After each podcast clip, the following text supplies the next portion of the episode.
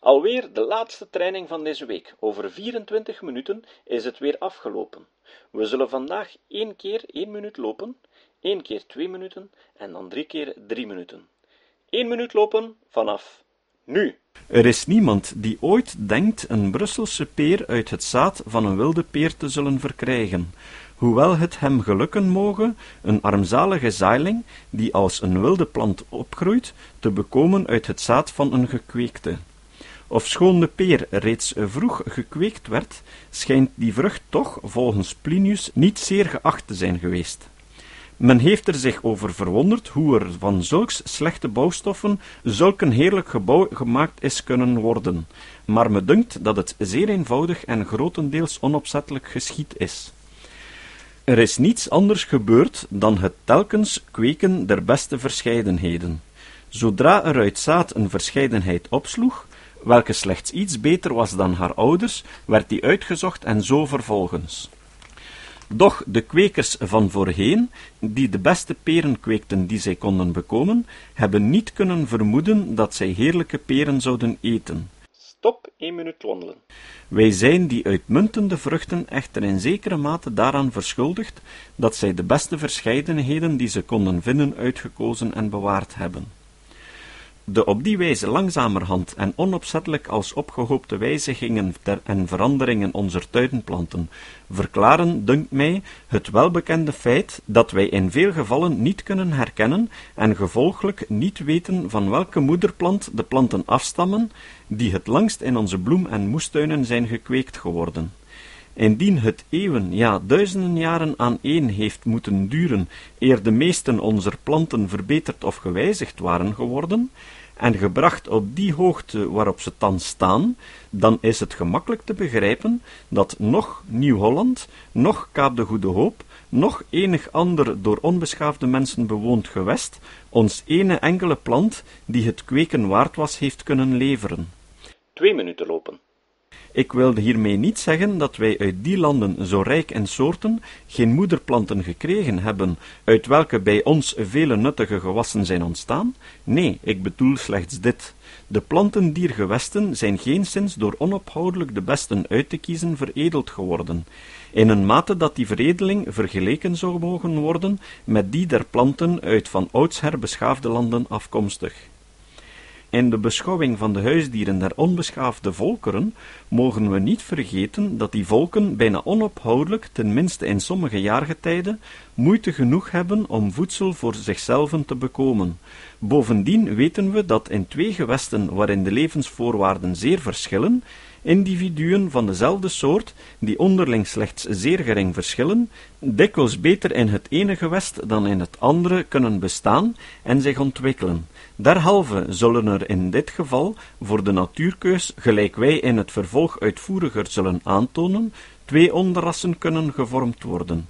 Dit nu verklaart ons ten dele hetgeen voor sommige schrijvers opgemerkt is, namelijk dat de rassen die in het bezit van wilde volkeren zijn, meer het voorkomen van soorten hebben dan de rassen die door beschaafde volkeren worden gehouden. Na al hetgeen wij hier reeds over de grote invloed van de keus des mensen gezegd hebben, wordt het duidelijk hoe het komt dat onze huisdieren zo volkomen beantwoorden aan de behoeften of aan de smaak van de mens. Het spreekt vanzelf dat hij juist de zodanigen heeft gekozen die het meest aan zijn doel beantwoorden. We kunnen, dunkt me, daardoor ook begrijpen hoe het komt dat onze tamme rassen zo veelvuldig een abnormaal karakter vertonen, en verder dat zij veelal uitwendig zoveel en inwendig zo hoogst weinig van elkander verschillen. En twee minuten wandelen. Het is zeer moeilijk om een andere afwijking te kiezen dan zulkene die uitwendig zichtbaar is, en bovendien slaat men gewoonlijk zeer weinig acht op inwendige eigenschappen. De mens kan slechts een keus doen uit zulke afwijkingen die hem eerst door de natuur, al is het in zeer lichte graad, verschaft worden. Geen mens zou ooit trachten een pauwenstaart te maken, voordat hij een duif zag, welker staart op een ongewone wijze ontwikkeld was en ongewoon gedragen werd, of een kropper voordat hij een duif met een enigszins ongewoon grote krop zag, hoe ongewoner en vreemder het ene of het andere karakter was, des te meer moest het zijn aandacht treffen. Doch de uitdrukking die ik hierboven bezigde, het maken van een pauwenstaart, is in de meeste gevallen ongetwijfeld zeer onnauwkeurig. De man die het eerst een duif met een enigszins bredere staart dan gewoonlijk uitzocht, kon niet voorzien en kon zelfs niet overdenken hoe de nakomelingen van die duif eens zouden worden door een langdurige, half onopzettelijke en half voorbedachte keuze. Misschien had de voorvader van alle pauwstaarten slechts veertien, min of meer uitgespreide staartpennen, gelijk de tegenwoordige Javaanse pauwstaart, of gelijk sommige individuen van andere rassen, bij welk men somtijds zeventien staartpennen heeft geteld. Misschien zette de eerste kropper zijn krop niet meer uit dan nu het meeuwtje het bovenste gedeelte van zijn slokdarm doet. Het zijn niet grote afwijkingen alleen die in staat zijn het oog van de duivenfokker tot zich te trekken. Hij ontdekt zelfs zeer kleine verschillen. Het ligt in de menselijke natuur een grote waarde te hechten aan de ene of de andere nieuwigheid, al is ze ook zo gering, mits ze slechts in zijn bezit is. Drie minuten lopen. En dat is altijd zo geweest en zal altijd zo blijven. Niet zelden ontstaan er ook thans geringe wijzigingen onder de duiven, welke verworpen worden als gebreken of als strijdig tegen hetgeen men zich verbeeldt dat de volmaaktheid van het ras uitmaakt. Dit alles nu, dunkt me, verklaart hoe het komt dat we niets weten van het begin der geschiedenis van onze tamme dieren. Het is waar van een ras gelijk van een tongval, van een taal, kan men bezwaarlijk zeggen dat het een bepaald begin heeft gehad. Iemand bezigt een individu dat in zeker opzicht een weinig afwijkt ter voortplanting, of hij draagt meer dan gewoonlijk zorg om zijn beste dieren daartoe te bestemmen. Hij verbetert zodoende het ras, en de verbeterde afstammelingen worden langzamerhand in de onmiddellijke omtrek verspreid maar nog hebben ze geen bijzondere naam verkregen, en wijl ook hunne waarde niet zeer veel verhoogd is, let men niet op hun geschiedenis. Dan eerst, als ze op dezelfde langzame wijze verder veredeld worden, geraken ze ook in wijde omtrek verspreid, en worden ze naar waarde geschat en bekend, ook verkrijgen ze dan voor het eerst een eigen naam. Zodra de waarde van een nieuw onderras eenmaal voor goed erkend is, helpt datgene het welke wij onopzettelijke keuze hebben genoemd, mede om de kenmerkende bijzonderheden daarvan langzamerhand te vergroten. Maar op het bezitten van een geschiedenis die langzame, verschillende en onmerkbare wijzigingen bestaat al zeer weinig kans. We moeten nu nog iets zeggen over de omstandigheden welke door de invloed van de mens op de veranderingen der rassen gunstig of ongunstig zijn. Een zeer grote veranderlijkheid is zeer gunstig, wijl ze de keuze zeer gemakkelijk doet maken. Nog één minuut. Een enkele individuele afwijking is reeds een overvloedige bron van grote veranderingen, indien ze slechts met de uiterste zorg behandeld wordt. Doch wijl zulke wijzigingen, die voor de mens zeer nuttig of aangenaam zijn, slechts nu en dan voorkomen, zo spreekt het vanzelf dat de kans om de zodanigen aan te treffen des te groter is, hoe groter het getal der individuen is die gehouden worden. Daarom is dit laatste voorzeker van het grootste belang. Om die reden zegt Marshall terecht, sprekende over de schapen in sommige gedeelten van Yorkshire, daar zij meestal aan arme lieden behoren en ze in kleine kudden leven, zo kunnen ze nooit veredeld worden. Aan de andere kant zijn plantenkwekers, wijl ze gehele velden met dezelfde gewassen bezetten, in het algemeen veel gelukkiger dan liefhebbers in het vinden van nieuwe en goede verscheidenheden. Het houden van een groot getal van individuen van een soort in zeker gewest vordert dat de soort in zulke gunstige levensvoorwaarden geplaatst moet zijn, dat ze in staat is om zich als in het wild te kunnen voortplanten. Drie minuten wandelen. Wanneer de individuen van één soort schaars zijn, moeten allen, het zij ze goede hoedanigheden hebben of niet, gewoonlijk de voortplanting dienen, en dit zal natuurlijk zeer schadelijk zijn voor het doen van een keuze. Het belangrijkste in deze is echter misschien het volgende. Een dier of een plant moet zo nuttig zijn voor de mens, of zo hoog voor hem gewaardeerd worden, dat de grootste opmerkzaamheid, zelfs op de geringste afwijkingen, in de eigenschappen van elk individu gewijzigd wordt. Zonder zulke oplettendheid zal men niet slagen. Ik heb in aller ernst horen aanmerken dat het zeer gelukkig was dat de aardbei juist begon te veranderen toen de tuinders voor het eerst hun aandacht op die plant begonnen te vestigen. Er is geen twijfel aan of de aardbei heeft reeds veranderingen ondergaan sedert zij verbouwd werd, maar die geringe veranderingen waren steeds over het hoofd gezien. Zodra evenwel de tuinders individuen uitkozen, welker vruchten weinig groter, vroeger rijp of beter waren dan die van anderen, toen zij die ter voortplanting aanwenden en weder de beste uitzochten en weder voortplanten, en die met sommige andere soorten kruisten, kwamen al die heerlijke verscheidenheden van aardbeien tevoorschijn, welke wij in de laatste dertig of veertig jaren hebben zien ontstaan. Bij dieren van verscheidene seksen is de meerdere of mindere gemakkelijkheid waarmee men het kruisen kan beletten, een zaak van het hoogste belang in het vormen van nieuwe rassen, tenminste in een landstreek waarin reeds andere rassen leven. De afgezonderde ligging van een land speelt hierin een grote rol.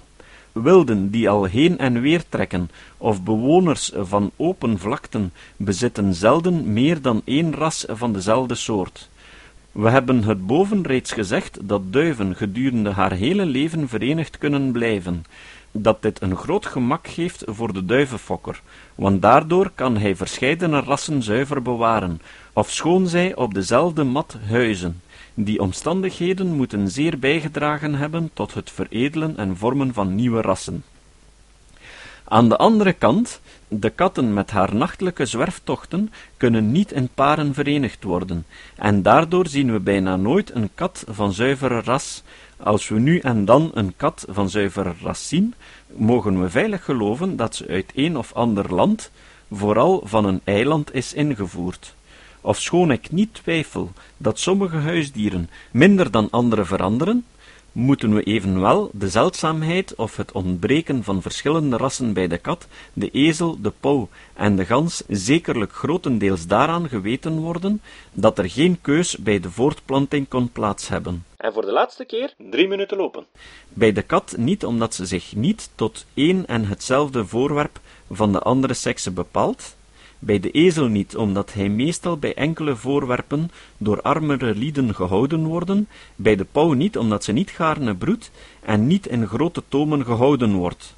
We zijn al halfweg deze Bij de gans niet, omdat ze slechts in twee opzichten waarde heeft, namelijk wegens haar vlees en haar vederen, en ze niet voor vermaak gehouden wordt, zodat men geen belang in haar veredeling stelde. Als uitkomst van onze beschouwingen in dit hoofdstuk vinden we dus het volgende. De invloed van de levensvoorwaarden op het voortdelingsstelsel is van het grootste gewicht in het veroorzaken van veranderingen. De veranderlijkheid is niet noodzakelijk en niet onafscheidelijk aan het bewerktuigde schepsel verbonden. De gevolgen der veranderlijkheid worden in verschillende mate door de erfelijkheid en door het streven tot terugkeer gewijzigd. De veranderlijkheid wordt door vele onbekende wetten beheerst, vooral door het wederkerige verband der lichaamsdelen onderling. Ook aan de onmiddellijke invloed der levensvoorwaarden en aan dien der gewoonte of der ongewoonte moet iets worden toegeschreven. In sommige gevallen heeft het kruisen der oorspronkelijk verschillende soorten een grote rol gespeeld in het ontstaan onze huisdieren en tuinplanten. Indien er in zeker gewest onderscheidene tamme rassen gevestigd zijn, heeft hun kruising, door een goede keus bestuurd, een grote rol in de vorming van nieuwe onderrassen gespeeld. Het belang van de kruising van verscheidenheden is veel te hoog aangeslagen, zowel met het oog op dieren als op zulke planten die uit zaad voortgeplant worden. Bij planten die tijdelijk door stekken, afleggen, enten en dergelijke voortplanten, is gewicht der kruising zowel tussen soorten als tussen rassen en verscheidenheden zeer groot, want de kweker is hier veilig, zowel voor de uiterst grote veranderlijkheid als voor de veelvuldig voorkomende onvruchtbaarheid der bastaarden en kruislingen. Maar die planten welke niet uit zaad voortgeplant worden, zijn voor ons van weinig belang, wijl ze slechts tijdelijk blijven bestaan. En onder al die oorzaken van veranderingen is de opstapeling van wijzigingen ten gevolg van een opzettelijke of onopzettelijke keus, ze mogen in het eerste geval schielijk en in het laatste langzaam, maar des te zekerder gewerkt hebben, toch ongetwijfeld de voornaamste macht. Tweede hoofdstuk. Over de wijzigingen en veranderingen die in de natuurstaat ontstaan. Drie minuten wandelen. De veranderlijkheid, individuele verschillen, twijfelachtige soorten, ver verspreide en grote soorten veranderen het meest, de soorten van de grotere geslachten in zeker gewest veranderen meer dan de soorten van kleinere geslachten. Vele soorten van de grote geslachten gelijken op rassen, wijl zij zeer nauw, maar ongelijk aan elkander verbonden zijn en een zeer beperkt gebied bezitten.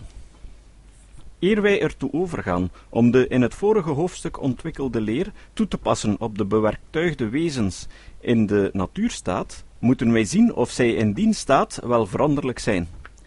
Wilden wij dit uitvoerig aantonen, zo zouden wij daartoe niets anders behoeven te doen dan een lange lijst van dorre feiten op te sommen. Ook zullen wij hier de verschillende bepalingen die men van het woord soort gemaakt heeft, niet bespreken. Geen van al die bepalingen heeft alle natuurkundigen tevreden kunnen stellen. Echter heeft ieder natuurkundige een zeer onbepaald denkbeeld van wat de soort is. In het algemeen ligt er in dat woord soort het onbekende element ener bepaalde handeling in de schepping opgesloten. Ook het woord ras is even moeilijk te bepalen. Evenwel verstaat men daardoor vrij algemeen gemeenschappelijk van afkomst, hoewel zulks zelden kan worden bewezen. Dan hebben wij ook nog het woord monster. Ik geloof dat men daardoor bedoelt de ene of de andere belangrijke afwijking in de bewerktuiging van een lichaamsdeel, zij mogen onschadelijk of onnuttig voor de soort zijn en over het algemeen niet voortgeplant worden. Sommige schrijvers gebruiken het woord verandering in een technische zin als een wijziging insluitende die onmiddellijk aan de fysische voorwaarden des levens te wijten zijn. En in die zin stelt men derhalve dat veranderingen niet erfelijk zijn. Maar wie durft te beweren dat het dwergachtige voorkomen van de schelpdieren in het brakke water der Oostzee, of de dwergachtige planten op de toppen der bergen, of de dikke vacht der dieren in het hoge noorden, niet ten minste in sommige gevallen en gedurende enige generaties erfelijk zijn. In dit geval, meen ik, noemt men zulke vormen rassen of verscheidenheden. Verder er bestaan verscheidene geringe verschillen die men individuele verschillen mag noemen, en die zich dikwijls bij de jongen van dezelfde ouders voordoen, ofwel bij individuen van dezelfde soort die een zeer omschrevene landstreek bewonen, wat niet zelden waargenomen wordt. Zulke individuele verschillen zijn voor ons zeer belangrijk, wijl zij de bouwstoffen zijn waaruit de natuurkeus een opstapeling van wijzigingen kan vormen op dezelfde wijze als de mens op individuele verschillen van zijn huisdieren en tuinplanten in een bepaalde richting kan ophopen. En voor de laatste keer drie minuten lopen. Die individuele verschillen vertonen zich in het algemeen in zulke delen, welke door de natuurkundigen als onbelangrijk beschouwd worden. Maar door een lange lijst van feiten kan ik bewijzen dat delen die de naam van zeer belangrijk verdienen, zowel uit een fysiologisch oogpunt als ten opzichte van rangschikking der wezens, somtijds in de individuen van dezelfde soort verschillen. Ik ben overtuigd dat elk natuurkundige ten hoogste verwonderd zal zijn over de menige gevallen van verschillen, zelfs in belangrijke delen, indien hij die op goed gezag verzamelt en daarmee in een reeks van jaren volhoudt gelijk ik gedaan heb. Herinneren wij ons dat het de systematici ver van aangenaam is, als zij verschillen in belangrijke delen aantreffen, en dat er niet veel natuurkundigen zijn die het moeilijke werk doen van belangrijke inwendige delen te onderzoeken en die delen van vele individuen van dezelfde soort met elkander te vergelijken. Ik zou nooit geloofd hebben dat de vertakkingen van de grote zenuwen dicht bij het grote centrale gallion van een insect veranderlijk konden zijn in dezelfde soort. Ik meende dat veranderingen van die aard slechts zeer langzaam en trapsgewijze konden ontstaan. En zie, Lubbock heeft voor enige tijd zulke grote afwijkingen in die zenuwen van de schildluis, Coccus, aangetoond dat zij bijna met de takken van een boom vergeleken kunnen worden. Dezelfde natuurkundige heeft eveneens aangetoond dat de spieren in de larven van sommige insecten verre van altijd regelmatig zijn, Er zijn schrijvers die in een kring rondredeneren. Als zij beweren dat belangrijke delen nooit veranderen, want zij noemen juist die delen belangrijk welke nooit veranderen. Op die wijze is er geen voorbeeld van een belangrijk deel, het welke veranderlijk is, te vinden. Maar uit een ander oogpunt beschouwd zijn daarvoor zeker een menigte voorbeelden aan te geven. Nog één minuut. Er is nog een punt in de individuele verschillen dat ons zeer verlegen maakt. Ik bedoel die geslachten welke men somtijds veelvormig, polymorfisch heeft genoemd. Bijna alle soorten diergeslachten verschillen onderling grotelijks, zelfs zo dat er nauwelijks twee natuurkundigen zijn die met elkander overeenstemmen in de vormen welke zij soorten of rassen heten. Als voorbeelden noemen wij geslachten Rubus rosa en Hieracium onder de planten, en verscheidene geslachten van insecten en van armpotigen, brachiopoden, onder de dieren. In de meeste polymorfe geslachten hebben enige soorten duidelijke en bepaalde kenmerken. Zulke geslachten, die in het ene gewest veelvormig zijn, schijnen met enige uitzondering zulks ook in andere gewesten te zijn, en ook, naar de armpotige schelpdieren te oordelen, in vorige tijdperken geweest te zijn. Die feiten zijn zeer moeilijk te verklaren, want zij schijnen te bewijzen dat die verschillen en veranderingen onafhankelijk van de levensvoorwaarden zijn. Stop. Drie minuten wandelen. Ik ben genegen te vermoeden dat wij in die veelvormige geslachten niets anders moeten zien dan veranderingen in het ene of het andere deel, welke voor de soort nog dienstig nog ondienstig waren, en die daarom door de natuurkeus verwaarloosd, dat is niet aangegrepen en blijvend gemaakt zijn, wat wij later zullen verklaren. Zulke vormen, welke in hoge graad het kenmerk van soorten bezitten, maar welke zo op andere vormen gelijken of daaraan zo nauw door overgangen verbonden zijn, dat de natuurkundigen er niet aan denken om hen als afzonderlijke soorten te beschouwen en te rangschikken, zijn in vele opzichten voor ons het belangrijkste. Wij hebben alle recht om te geloven dat velen van die twijfelachtige en naverwante vormen voortdurend hun kenmerken behouden hebben, in hun geboorteland en sedert lange tijd aaneen, niet minder dan, zover wij weten, echte en ware soorten doen. Meestal ziet men dat een natuurkundige, als hij twee vormen door overgangsvormen met elkaar kan verbinden, dat hij in dat geval de ene vorm beschouwt als een ras van een anderen, en wel zo dat hij de meest voorkomende soort, of ook wel somtijds slechts die welke het eerst beschreven is als soort, en de andere als het ras of de verscheidenheid beschouwt. Doch er zijn sommige gevallen waarin het zeer moeilijk valt de ene vorm voor de andere verscheidenheid van de anderen te verklaren. Al zijn zij nauw door overgangen met elkander verbonden. Gevallen waarin ook de veel aangehaalde bastaarden der overgangen de zwarigheid niet oplossen. Evenwel wordt in vele gevallen de ene vorm als de ene verscheidenheid van de andere beschouwd, niet omdat de overgangen aan te wijzen zijn, maar omdat de analogie de waarnemer noopt te veronderstellen of dat zij ergens zullen bestaan, of dat zij voorheen hebben kunnen bestaan. Dat er hier ene wijde deur voor gissingen en twijfelingen geopend worden, is vrij zichtbaar. Zo, proficiat. De week zit erop. Dat ging toch weer gemakkelijk, niet? Je hebt nu twee dagen rust verdiend. Volgende week gaan we onze grens een klein beetje verleggen. O ja, nog iets belangrijk. In het boek over het ontstaan der soorten staat er een tekening. Deze tekening is nogal belangrijk om een aantal uiteenzettingen te begrijpen. Zorg ervoor dat je die tekening afgedrukt en bekeken hebt voor we aan hoofdstuk 4 beginnen. Je kan die tekening terugvinden op surf.to schuine streep Darwin. Dus surf naar Darwin in het Engels. Of ook darwin.surf.to. Of nog, je kan naar mijn website www.kritischdenken.info gaan en dan klik je op de link Darwins tekening. Dus, niet vergeten, als je thuis komt,